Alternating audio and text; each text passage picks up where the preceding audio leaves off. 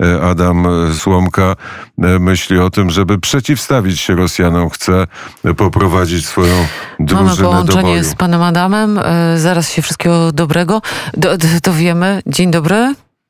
Dzień dobry, witam serdecznie. Adam Słomka jest gościem specjalnego wydania programu Radia Wnet. Jesteśmy z Krzysztofem Skowrońskim razem w studiu. Gdzie pan teraz przebywa i ile osób, gdzie panowie, dota- państwo dotarli? Odprowadziłem wczoraj y, do Lwowa y, kompanię krakowską, która wyszła z Oleandrów y, i no, kompania została podzielona. Na część, która poszła do szkolenia i ona odciąży Ukraińców i część logistyczna załatwiliśmy lokum w Lwowie, co jest bardzo trudne, bo jest w tej chwili ponad milion przecież tam uchodźców i, i wszystkie hotele, wszystkie miejsca dosłownie na ziemi, nawet na podłodze, gdzie jest ciepło, są zajęte. W Lwowie jest Wszystkie 200 wiecie, tysięcy mniej więcej uchodźców w tej chwili. No, no ale to idzie rzeka. No idzie rzeka, to widać po prostu na każdym kroku, że, to, że te miliony spod Kijowa po prostu przechodzą przez Lwów. To jest niesamowite. No, na dworcach to jest po prostu kompletnie zakorkowane wszystko. Także no, pierwszy podstawowy problem no, to, jest, to jest y, baza. No i to w tej chwili budujemy. Logistykę mm, ściągamy z Wrocławia. Się zgłosiła firma z kuchnią polową. No musimy wszystko zorganizować. Okazało się ogromne potrzeby medyczne, lekarstwa. Szpital wojskowy się do nas zwrócił tutaj w Lwowie, jak i też polskie siostry zakonne, które mają hospicjum i też pomagają uchodźcom. E, Dramatycznie brakuje mm, lekarstw, także zresztą próbowaliśmy też przez hurtownię w Polsce też jest bardzo trudno o także trzeba z Europy Zachodniej ściągać. Powiedział pan, że odprowadził pan, pojechał pan do Lwowa i wrócił do Polski? Tak jest. I wróciłem do Polski po następną grupę. No, będziemy co, co tydzień Pluton, kompanię. Zobaczymy ile, ale jest dużo chętnych. Jest coraz większe zainteresowanie, bardzo dużo.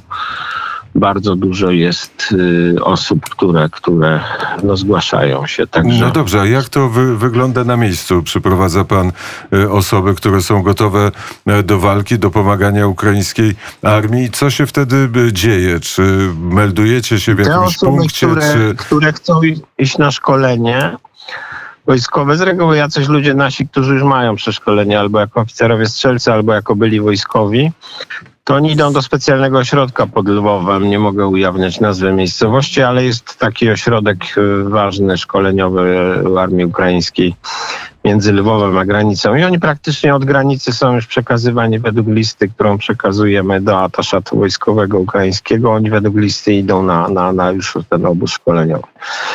Na trening od razu intensywny. Trzeba zgrać plutony i tak dalej. Natomiast y, reszta pociągiem jedzie spokojnie do Lwowa. Także Także obie te odnogi trzeba budować. Tych ludzi, którzy, którzy chcą odciążyć Ukraińców y, do walki i logistyka i myślę, że będzie ogromne, ogromne potrzeby tutaj w Lwowie, jeżeli chodzi o uchodźców i, i, i, no i bazę całą techniczną dla Polskiego Legionu w Lwowie. Jakie scenariusze pan przewiduje na ciąg dalszy tej wojny? Czy e, według, e, według wielu analityków Putin już e, odsłonił wszystkie możliwe karty właściwie?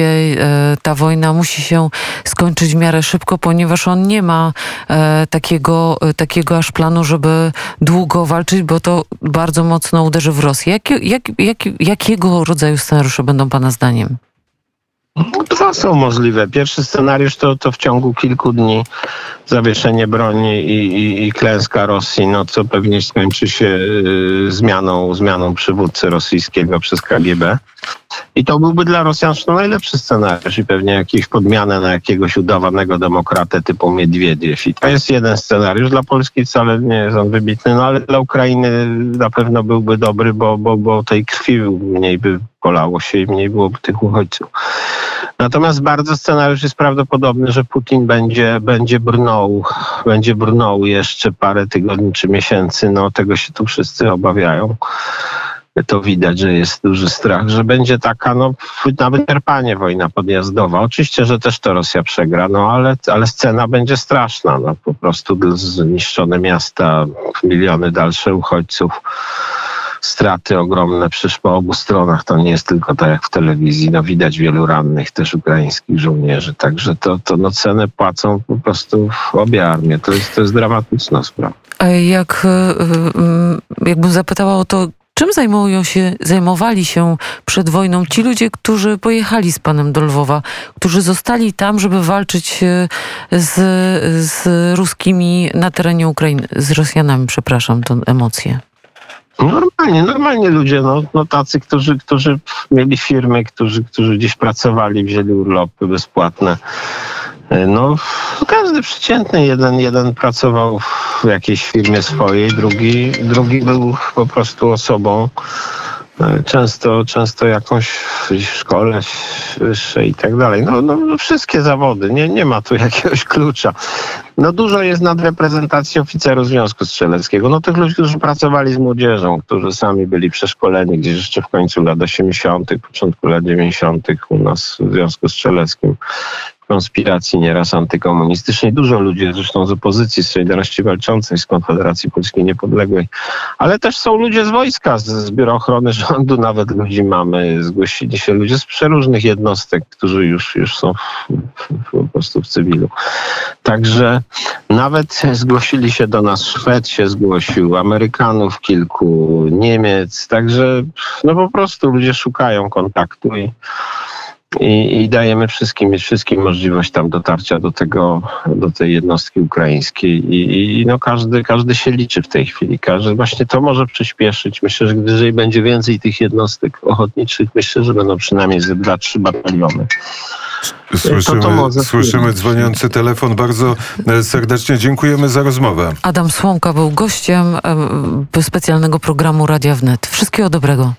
Dziękuję.